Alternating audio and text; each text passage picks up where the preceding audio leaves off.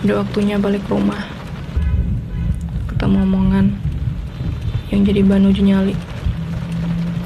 Dek, kamu tuh ke mana-mana sendiri terus. Emangnya kamu gak capek sendiri terus? Nikah lah, punya anak. Dari situ bikin aku tambah sadar. Ternyata banyak yang gak tahu kalau sepasang itu keinginan. Tadinya aku pengen jawab, sayangnya aku lagi capek ngomong. Padahal aku cuma pengen bilang, Kak, udahlah, aku capek.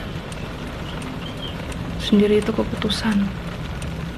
Dan aku berhak memutuskan.